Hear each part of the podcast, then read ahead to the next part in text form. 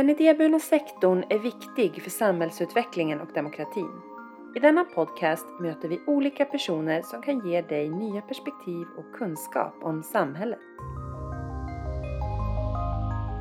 Välkommen till dagens avsnitt med mig, Rebecka Hagman, kommunikatör på Skyddsvärnet. I dagens avsnitt ska vi prata om gängkriminalitet med kriminalkommissarie Fredrik Gårdare. Med oss har vi också Marita Fernström som är vice VD och biträdande direktor på Skyddsvärnet. Hej Fredrik! Hej! Tack för att du kunde komma hit. Ja, det är så lite så. Hur mår du? Jag mår väldigt bra. Mm. Det har i och för sig varit en väldigt kämpig sommar. Vi har jobbat uh, mycket. Vi har haft många mord, sprängningar, andra grova brott som har gjort att vi inte fått ut vår semester så som vi mm. brukar få. Det är ett väldigt aktuellt ämne och media lyfter gängkriminalitet eh, extra mycket just nu. Men vi ska börja lite grann och prata om dig och jag skulle vilja veta varför du blev polis från början om du vill börja där. Ja, jag tror att det var det här som vi då smågrabbar gillade, tjuv och polis. Det var spännande. Deckarna kom liksom där på 70-talet vi hade poliser som var så respektingivande och liksom så att, som vi såg upp till liksom hade enorm respekt och tyckte var en väldig auktoritet och sådär. Liksom. Så att det, det blev det kanske att det drogs lite åt det hållet. På högstadiet så att jag bestämde mig. Mm. Det får det bli. Mm. Och sen under tonåren och så, så gick jag kanske lite djupare och att jag började, började ändå se att att eh, det är bra att jobba för människor och för att alla ska ha li lika behandling och alla ska ha det bra. För att mm. jag umgicks mycket med olika typer när jag växte upp. Det var dels eh, kyrkan, dels mm. var det elitidrotten, dels var det raggarna. Och jag umgicks med alla tre av de här och jag upptäckte att det är fina människor i alla läger och man får olika stämplar på sig. Eh, det finns mycket fördomar.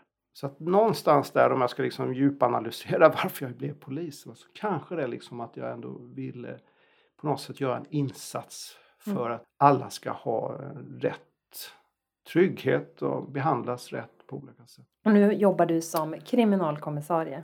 Ja, jag har eh, jobbat mot gängkriminaliteten då på heltid sedan 95 med då särskilda insatser. Mm. Och då blir min fråga, är det lika spännande att jobba som kriminalkommissarie som det låter? Vissa dagar, men väldigt många andra dagar är ju den, stat, det största statliga verk. Det är mycket byråkrati, massor med mm. administration, ja, mycket så. fyrkantighet. Det är inte som på film att man är ute och på fältet hela tiden? Inte hela tiden, det händer, det händer då och då. ja. då, då, då, känns det ju, då känns det mycket roligare och ja. då känns det ju att då gör vi det vi ska göra. Tycker du att det bör vara så eh, för att det ska fungera eller i din värld hade du velat att man gjorde om det på något sätt så att ni kunde jobba mer ute på fältet? Ja, dels så ser jag det att vi skulle då fokusera betydligt mer ute på fältet och på det operativa. Mm. Och inte byggt så jättestora överbyggnader som, som vi har nu. För att inrättar vi någonting så föder det tre nya grejer. Och sen så har vi hur många poliser som helst som sitter egentligen och jobbar med sånt som inte har med kärnverksamhet att göra. Definitivt inte ute på gatan. Mm. Och definitivt inte i några förhörsrum eller hemma hos några familjer utan de pysslar med annat helt enkelt. Då i slutet på 80-talet, men på 90-talet mm. så då var det väldigt mycket fokus på att ut och jobba. Väldigt lite på att vara inne och mm. hålla på med annat. Utan det var 40 timmars vecka och det var ut direkt. Alla bilarna var ute. De som inte fick en bil fick gå då fotpatrullera ner mm. tunnelbanan, ut på Folkungagatan. Och det jobbades alltså mycket, mycket operativt. Var det mer fungerande enligt dig då? Alltså bidrog det till att polisen gjorde ett bättre jobb för att man verkligen var där ute? Ja, vi var ju alltid närvarande överallt mm. och vi ingrep ju väldigt snabbt när det hände någonting. Och utredningshögarna var ju inte så, så gigantiska som de är ju nu då. Liksom. Så att på så sätt var det ju effektivare. Å andra sidan var det en annan tid. Mm. Det var inte så komplext.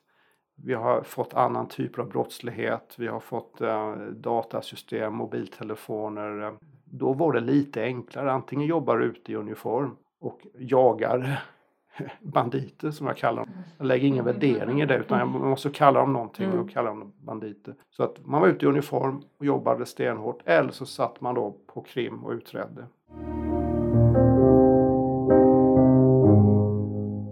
Nu har jag uppdrag att, att eh, gå in och göra insatser som, som är på djupet och som är, är mer komplicerade och komplexa eller jobba mot komplexa problembilder där eh, människor på något sätt är utsatta för otillåten påverkan i olika former. Allt från våld till hot till trakasserier, näthat, mutor och just nu så fokuserar jag på en insats mot idrotten i och med att de har stora problem med just det. Just det.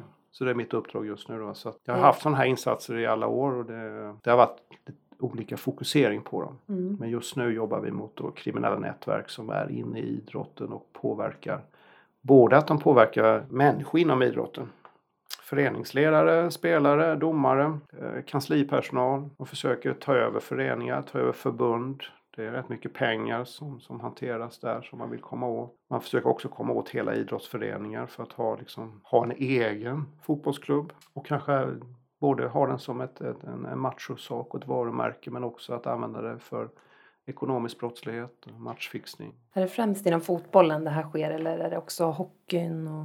Ja, det är i stort sett alla idrotter på något sätt är drabbade. Men det är klart fotbollen är betydligt mer drabbad mm. än, andra. Riksidrottsförbundet har liksom lyft upp det här till högsta polisledningsnivå. Att vi måste, ni måste göra någonting, ni måste hjälpa oss idrottarna mm. för vi är så hårt utsatta och folk slutar på grund av Det är ett allvarligt problem.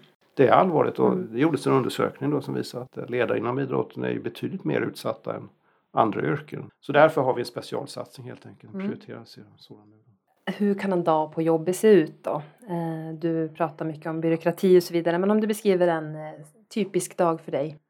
Typisk dag, vi samlas på morgonen till ett morgonmöte där vi då stämmer av 24 timmars perspektivet. Vad har vi hänt sedan vi möttes igår? Vad gör vi idag? Och sen rullar vi på helt enkelt med så mycket operativ verksamhet det bara går och då är det både att vi eh, kartlägger nätverk men vi utreder också där vi ser att vi kan ha en framgång med att använda då rättegångsbalken och förundersökning. Försöka att lagföra helt enkelt strategiska personer och grupper. Eh, så att vi har ett antal förundersökningar som rullar hela tiden. Och det är allt från trakasserier till, till matchfixning. då kommer jag också in på vapen och narkotika som är liksom deras gamla arena. Mm. Så de har lagt till idrotten också liksom, mm. för det går att göra mycket pengar som är då lika mycket pengar som narkotika fast då mindre risk. Mm. Du har tidigare gjort uttalanden har jag sett där du konstaterar att inget har förändrats sedan 90-talet angående grovheten på vålden. Men att det blir fler som blir dödade nu. Främst att läget runt problemen har förändrats, att det har blivit ett komplexare politiskt ledarskap och ökad polarisering skrev du. Vad är det som gör att vi ser fler dödsfall idag? Det är nog att vi har legat och balanserat på en kant väldigt länge. Där vi då alla möjliga eldsjälar, eh, exempel hos er eh, och på andra ställen och eh, kommuner, socialtjänst, skola, fritidsverksamheter och polisen. Att vi hela tiden har gått in och hela tiden parerat och agerat och eh, försökt att och, och kyla ner känslor när de blir för, för eh, heta och vi har då ingripit mot vapenbärande. Vi ligger, har legat nära för att hela tiden på något sätt bara försöka få dem att bli mindre aktiva i grova brott. Det har vi hållit på med i, liksom, i hur många år som helst. Och den kanten har vi då balanserat så länge på och precis då har vi tippat över då, ungefär 2014 så tippar det här över mm. kanten och det är väldigt svårt att få upp det igen. Mm. Så därför har vi fler döda helt enkelt och, och fler skottlossningar än, än, tidigare. Men grovheten har ju alltid funnits med. Man mm. dödar alltså varandra och man har skjutit människor i huvudet även på 90-talet. Och, um, just Bandidos hade till och med militära stridsvagnsvapen som de använde mot Hells mm. Angels. Vi hade stora bomber. Vi hade 80-talet med som maskeradligan och militärligan med, med mm. tunga militära automatvapen. Det är ju skjutvapen som är det vanligaste. Det är det. Sen dör fler av narkotikan. Men det som syns i media är ju ihjälskjutna. Men är det lätt att få tag i vapen idag? Ja, det är det och det har alltid varit lätt i Sverige.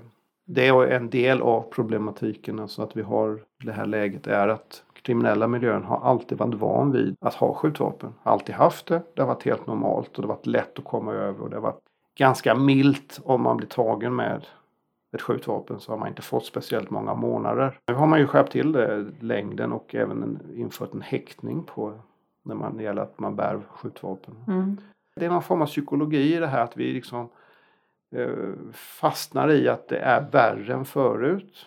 Och att det går lägre och längre och längre ner i åldrarna. Mm. Det har jag ju hört ända sedan jag började med det här. Så, men det är, något, det är något mänskligt. Och någon psykolog förklarar varför vi alltid hela tiden hamnar där i, i samtal. Mm. Det kan nog även vi poliser, vi är inte bättre än någon, någon, annan så, utan vi kan också halka dit på att ja, men nu är det nog värre än tidigare och nu är, nog, är de nog ändå lite yngre. Men är det inte värre än tidigare alltså? Det är ju värre för att vi har då hamnat i den här situationen där flera våldsamma konflikter har då spårat ur på ett annat sätt än de gjorde tidigare. Men de, de här våldsamma konflikterna har alltid funnits. Mm. Men vi har hela tiden varit där och parerat och kylt ner det här. Men får du, får du något fler mord så leder varje det mordet leder till ytterligare mord normalt sett. Och sen leder det till ytterligare och sen trappas mm. det upp för varje steg. Så att det blir ringar på vattnet som lätt sprider sig. Och det är väl det läget vi har. Vi har ett skjutande och ett sprängande som, som sticker ut i jämförbara länder. Alltså det är mycket mer här. Mm. Men det beror lite på det att vi då, om vi säger så att samhället tappade greppet här nu. Det, det, det lilla greppet vi ändå haft då sedan, för det här bildades ju på slutet på 80-talet, början på 90-talet så, så startade ju det här upp. Eh, greppet har vi tappat lite, samhället i stort. Eh, och att vapen då är så normalt och så vanligt. Mm. Och då så liksom. Men om man tittar på den största skillnaden, vi säger 20 år tillbaka och nu, mm. Eh, förutom att fler dör då. Kan du se någon sån där skillnad? Ja, alltså, de goda krafterna är lite längre bort. Eh, jag tycker möjligtvis, om jag, även jag ska vara inne på det, att det, det är värre nu. Att, att man är mer eh, söndertrasad helt enkelt av att leva i den här miljön. Man har längre väg tillbaka att börja om igen och få hjälp och att ens tänka tanken och be om hjälp eller tänka tanken att jag ska sluta med det här. Det är komplexare nu kanske än förut va? men det, det är också marginellt. Jag tänkte på, du sa att de goda krafterna är lite längre bort. Eh, och att det kan vara svårt att eh, komma närmare till att be om hjälp eller få den hjälpen för att ta sig ur. Har du någon tanke om vad som skulle krävas för att de goda krafterna skulle komma närmare och att det blir mer lättillgängligt, att man vågar och kan få hjälp? Ja, det är att vi gör det som vi då kom fram till eh, i EU-arbetet, att, att en riktigt kraftigt förebyggande insats samtidigt som polisen och andra myndigheter har en kraftigt riktad verksamhet mot dem som rekryterar just nu och som är profeter där ute och eh, som också är livsfarliga, som skjuter ihjäl. Eh, får vi igång en sån kraftig förebyggande insats då blir det alltså en stabilare grund att arbeta på för personal för det här i skolan, på fritid, inom socialtjänsten, andra organisationer. För nu är vi fortfarande där vi var på 90-talet. Det är enstaka eldsjälar som är jätteduktiga och det görs jättemycket bra jobb och det räddas människor på olika sätt. Men, men de få eldsjälarna och den lilla resursen som är prickad, prioriterad, får möjligheter, den är för liten då för att mäkta på att vända hela utvecklingen. Så det är, vi, det är det vi har lagt fram till EU och även till, till svenska ledningsnivåer, både polis, polisen och politiskt.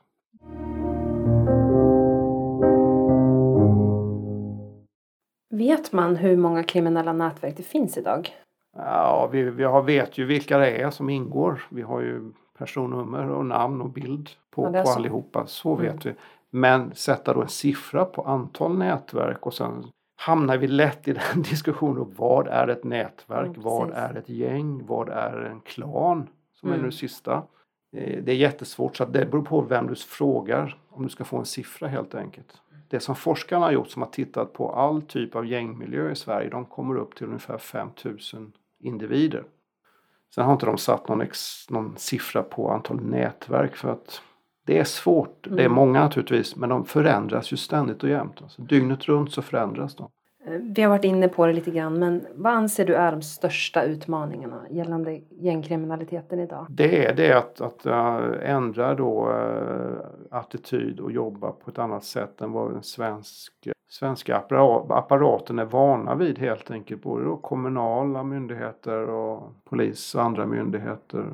Det krävs att vi liksom tänker, tänker på ett annorlunda sätt och att vi fokuserar mycket mer på det operativa. Det jobbet ska göras. Det ska göras på gatan, det ska göras i förhörsrummen, det ska, det ska göras i socialtjänstens eh, rum och hemma hos familjerna vid köksbordet. Nu lägger vi mycket kraft på att prata om det här och det, det, är tydlighet från högsta ledningsnivå på olika sätt. Men sen blir det tyvärr då lite för lite då över på något sätt. Det är inte så att de kanske har någon dold agenda eller liksom en, gör det här med avsikt att vi ska bara prata, prata, prata, prata. Utan man vill säkert att det ska hända saker. Men det är dit vi inte har kommit än. Och det är det vi har jämfört andra länder och Sverige och det är där vi ser en skillnad. Där då Sverige skulle kunna utnyttja den skillnaden väldigt mycket. För jämför vi till exempel med USA så är man väldigt operativt fokuserad. Då kan man tänka, ja men USA det är långt bort och så vidare. Men då går vi till Danmark. Mm. Väldigt mycket operativt fokuserat på att jobba, jobba, jobba, inte krångla till. Och så tittar vi på varför det är så, så ser vi i Sverige så har vi en vilja att samverka. Och samverkan är ett sånt ord som används i alla år. Mm. är väldigt populärt att ha med i alla möjliga former, för det låter bra. Och det är bra om vi jobbar ihop. Och det som är bra med Sverige och den viljan till samverkan är att den, den är äkta. Vi vill verkligen jobba med varandra över gränser, mellan myndigheter. Det, så är det inte i andra länder. Utan där kan man se att där vill man verkligen bara att nu är det här är vårat och det här ska vi göra och nu har man tydliga gränser där man då inte jobbar ihop. Men de länderna, bland annat USA, då, får ju mer gjort. Mm trots det. Så om Sverige skulle kunna utnyttja den här då, alltså viljan till att vi jobbar ihop och få det att verkligen fungera och få bli verkstad av det, då kan det hända underverk och då kan vi faktiskt vända det här. Mm. Det är en jättemörk bild och det är ett jättemycket elände, mycket lidande på alla möjliga sätt. Men det är inte omöjligt för det visar ju då forskningen att när vi gör de här rätta sakerna så, så vänder vi det. Så att det finns ett visst hopp då att man då nu då sätter sig ner, funderar och kanske lyssna då på gängforskarna, mm. på forskningen i första hand naturligtvis, men även på oss poliser som har jobbat med det här så länge. Våra erfarenheter och att man tar med det så att man inte då gör fel saker. För det är också det vi får fram, att gör inte fel saker nu för då kan det bli kontraproduktivt dessutom. Plus att vi lägger då den lilla resurs och lilla tid lägger vi fel. Men vi, eh, vi måste göra jobbet bra naturligtvis. Alltså, vi har en jätteviktig bit. Alltså, mm. Vi kan inte bara skylla ifrån och säga att vi kan inte lösa det här. Det, det får övriga samhället göra. Vi är, vi är en del av det men vi kan inte själva. För det är inget annat lands polis som har löst det här mm. själva. Det har vi liksom verkligen studerat. Mm. Så att vi ska gå in och göra vårt jobb jättebra. Men sen måste alla andra också gå in. Och det som vi kom fram till i vår slutprodukt till EU-kommissionen var att måste koppla ihop det här. Mm. Det går inte att man kör förebyggande lite där borta och så kör vi lite akuta insatser där borta utan du måste få ihop det här till en helhet och sen även då ha forskarna med som hela tiden är där och kollar så det inte görs fel saker. Och så måste du ha en chef, en ledare för det här som verkligen kan syna att det inte bara är snack utan det blir verkstad också. Då, då, då vänder det. Då är vi där. Ja.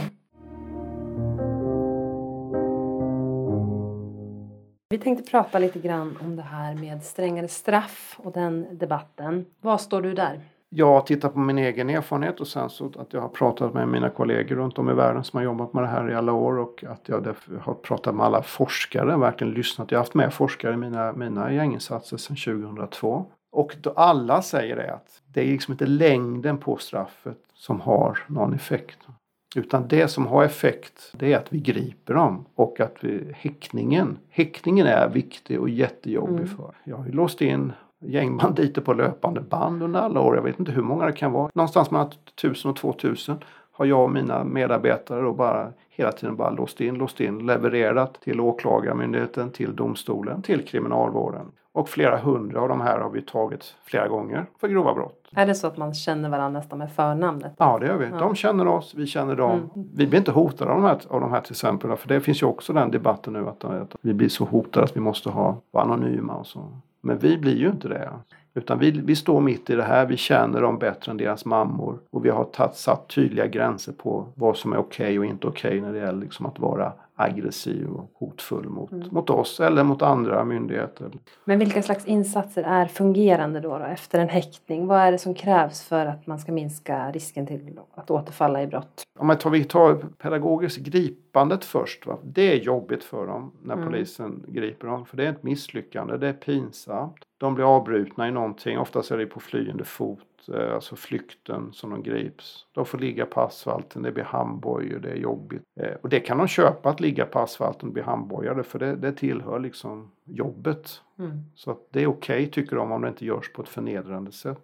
Häktningen är jättejobbig för dem för då blir de inlåsta på riktigt och de kan inte vara där ute och engagera sig i den här då dödliga konflikten. De kan inte jobba med sina brottsprojekt, deras stora narkotikaaffärer börjar haverera och de kan ju inte själva bruka narkotika och de är ensamma. De är aldrig ensamma annars. Det är första gången då de sitter helt ensamma. Det är de jätteoroliga för. Men sen vad tingsrätten eller till och då hovrätten då kanske två, tre år senare kommer fram till, det har man ingen tanke på för man lever liksom 24 timmars perspektiv. De kommer ju ut och återgår till samma miljö och samma kriminalitet i väldigt stor utsträckning. Så att Mm. på så sätt låser du in dem lite längre så visst, så länge de är inlåsta gör de ingen illa så mer att inne på Mm. anstalt i och för sig. Men det är inte lösningen, men vissa är så farliga så kanske måste låsas in på en längre tid. Så är det Mm. bara för att de är, de är livsfarliga för allt och alla. Inte bara för att de är, ingår i någon gängkonflikt och använder dödligt våld där, utan de kan ge sig på vem som helst. Liksom.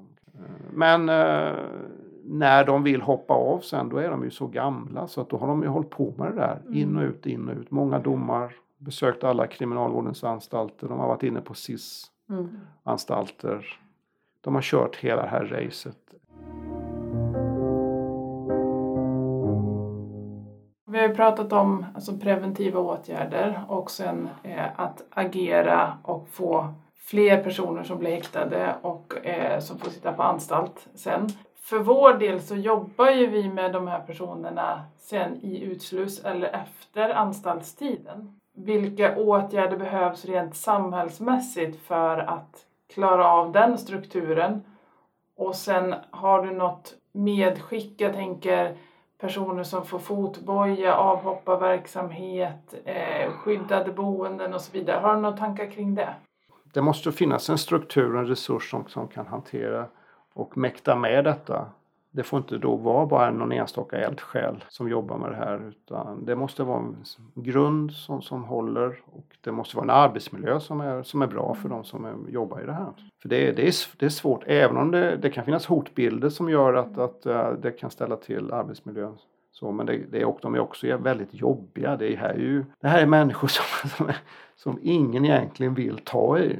Det, de är jättebesvärliga. Så det krävs ju då att man har ett intresse och det krävs ett ledarskap och då att man verkligen eh, har en stadig grund. Det är väl det jag kan Mm. sammanfatta det, det hela med.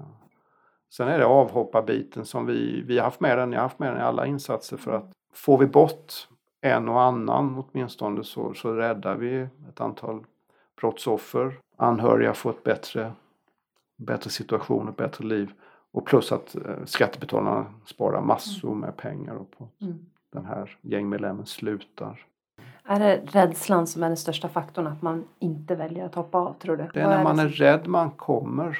Det är då man kan hoppa av. När man är riktigt, så. riktigt rädd. Då, då kanske det är det att de, de får den här sista pushen liksom att, Mm. att ta ändå någon form av möjlighet. För att vi, jag menar, som jag sa, vi har låst in 1500 kanske gängmedlemmar då från alltså, riktigt tungt belastade. Vi Mm. bara på löpande band. Och alla 1500 har vi helt pratat med. Va?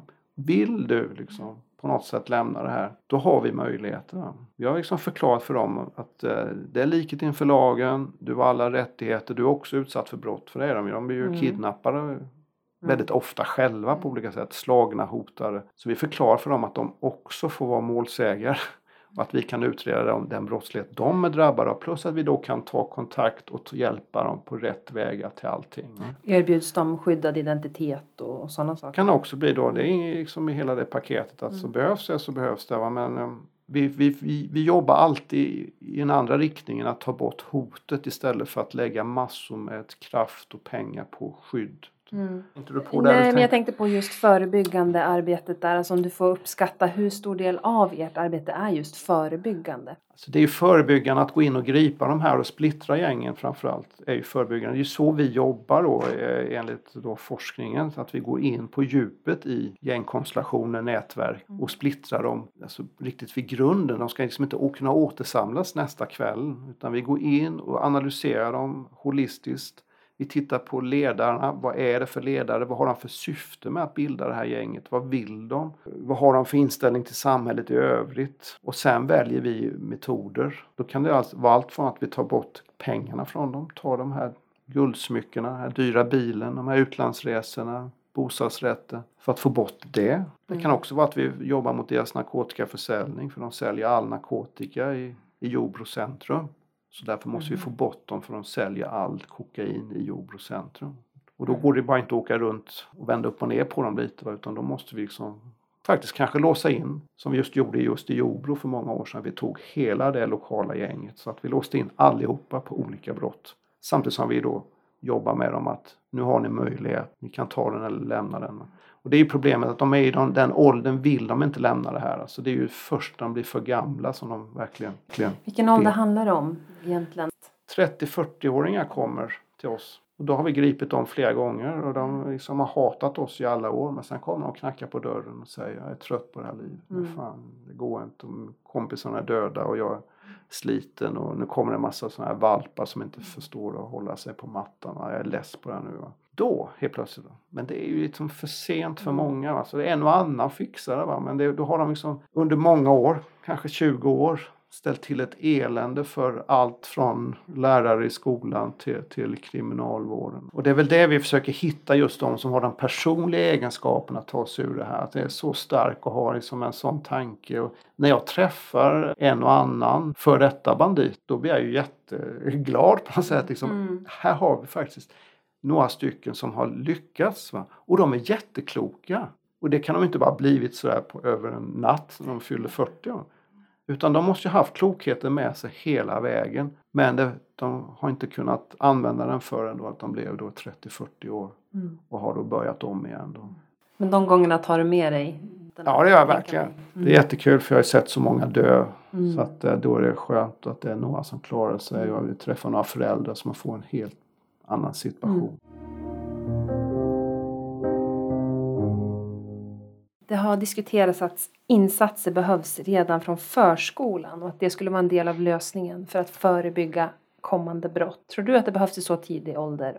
Ännu tidigare. Jag pratar med barnmorskor som säger att nu kommer den här missbrukande mamman in, Mm. föder sitt fjärde barn. De tre första är omhändertagna. Det finns en kriminell pappa som möjligtvis är med. Det är en usel start för Mm. många barn. Och sen så ser vi att det är jättetufft hela vägen. Så det ingår i det här då, förebyggande krafttagen, alltså hårdare tag. Där, där kan vi snacka om hårdare tag. Va? För där måste vi in direkt och stödja de föräldrar som då vill ta sitt föräldraskap, som vill. Det fixar man inte det själv så måste man få hjälp oavsett vilken ålder. Det kan vara från BB, det kan vara från förskola. Och det kan man se tydligt att ungdomar som eh, faller in i kriminalitet har ofta en bakgrund som har varit problematiskt på något sätt. Är det oftast då? Ja, det är väl ofta så. När du ställer frågan så vet jag inte. Kommer inte tänka på någon helt vanlig, trygg kärnfamilj. Även om det, det har hänt också. Mm. Att det är någon annan barn. Det är ju psykisk ohälsa som kan få det här att, att börja tippa åt alldeles fel håll. Och det, det kan, ju, kan ju vara från Danderyd också. Det behöver inte vara för, från utsatt förort så. Utan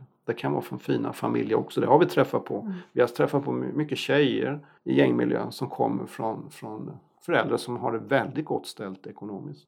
Men eh, psykisk ohälsa, fånga upp den är jätteviktigt. Ha någon form av diagnos som gör att eh, de har jobbigt eh, på olika sätt. Och sen ha då vuxna förebilder där ute som liksom de kan se är bra förebilder istället för de här dåliga som då finns där och som Mm. fångar upp dem blixtsnabbt. Hur kan man som privatperson om man lyssnar på det här känna att man vill bidra, man vill göra någonting för att eh, stötta ungdomar som, som riskerar att hamna i kriminalitet. Vad kan man göra konkret då? Är det att, försöka se och finnas där då? Är det det man kan göra? Eller vad Ja, tänker du? finnas där, det är jätteviktigt bara det. Alltså, gå in i föreningsverksamhet på något sätt eh, och vara aktiv och finns där och eh, se de här som har det tufft och sen också våga ta den fighten, Mm. liksom den jobbigheten som kan vara både med barnet och och med föräldrar som kan vara jättejobbiga. Om man som lärare till exempel misstänker att eh, en elev har det dåligt och jobbigt hemma. Då ska man agera. Ja, då ska man agera och någon ska agera i alla. Läraren har inte tid för den. Nej. Läraren har fullt upp med lektioner och så. Så det är därför som vi då, vi har ju räknat på vad gängkriminalitet kost- kostar. Vi vet vad en gängmedlem kostar för samhället. Vi vet vad en, en skjutning kostar. Och det är enorma pengar som, man, som Mm. vi säger då, lägg dem på förebyggande då. Öka antalet vuxna i skolan så att det alltid finns vuxna att ta hand om de barn som är på väg åt fel håll och som är jobbiga och som ingen annan Mm. engagerar sig i. Lägg pengar på dem där för det kommer kännas in många gånger om. För jag har haft en na- nationalekonom som har räknat på det här så det är inte vi själva så. Mm. Men, eh, man kan, ingen kan säga att inte pengarna finns för det va? men sen gör de det i verkligheten. Så, så jag har mm, någon rektor i Angered som jag var hälsade på förra veckan och som har jättesvårt då att kunna anställa vuxna Mm. för att bara jobba med den mjuka delen. Utan det finns bara pengar som räcker till lektioner. Du får ju se mycket tungt som du har nämnt i ditt arbete. Hur gör du för att koppla bort det då nu när du har semester och ledig? Det finns med på något sätt men, men jag borde vara utbränd för länge sedan. Så är det. Men Jag försöker att in, inte vara gift med jobbet på så sätt att det är jobb dygnet runt utan jag ägnar mig åt andra saker också.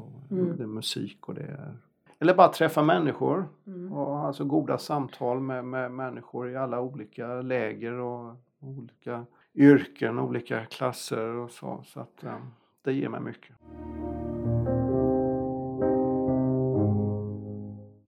Vi har ju själva idéer men det är intressant att höra din åsikt om hur du tänker att idéburen sektor eller civilsamhället kan bidra.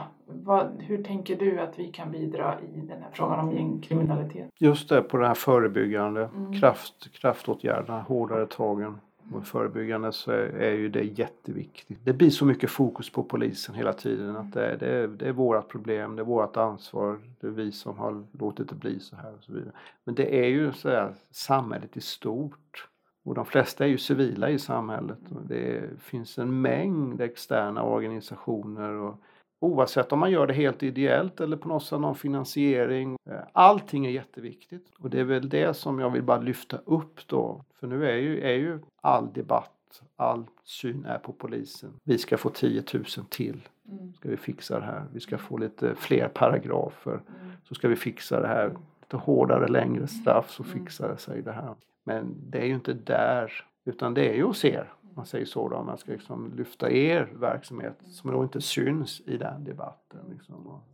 Man förstår inte hur viktigt det är då. Det, det som du var inne på förut som jag direkt relaterar till det är ju den här sunda vuxna eh, som kan vara i familjehemsvård eller som trygghetsvärd eller i fritidsverksamhet eller halvvägshus eller så. Det är ju det jobbet vi försöker göra och brottas ju med frustrationen såklart över indragningar eller förändrade avtalsstrukturer som påverkar. Mm. Men, det- men det är ju där vi försöker lägga vårt arbete och vara just trygg och sund vuxen. Mm. Och det är ju guld värt. va? För är, är du barn och ungdom överhuvudtaget behöver ju verkligen det. Är de här pojkarna som, som har oerhört svårt behöver det ännu mer. Det kan ju rädda liv bara är som en rätt vuxen som, som stöttar på, på ett enkelt sätt. Men finns där och som leder mot rätt håll. Det och lilla. håller ut. Håller ut, ja precis. Det är jätteviktigt. Och man får inte ge upp och man får inte, inte, ni får inte heller bränna ut. Nej. Vi ska börja avrunda och jag tänkte ställa en fråga som vi ställer till alla gäster och det är om du kan dela med dig av någonting som du tror att många inte vet om dig. Jag gillar att åka bil utan tak. Kan man se framför sig lite grann? ja. Ja, gillar mycket Mm. rock'n'roll, mycket musik.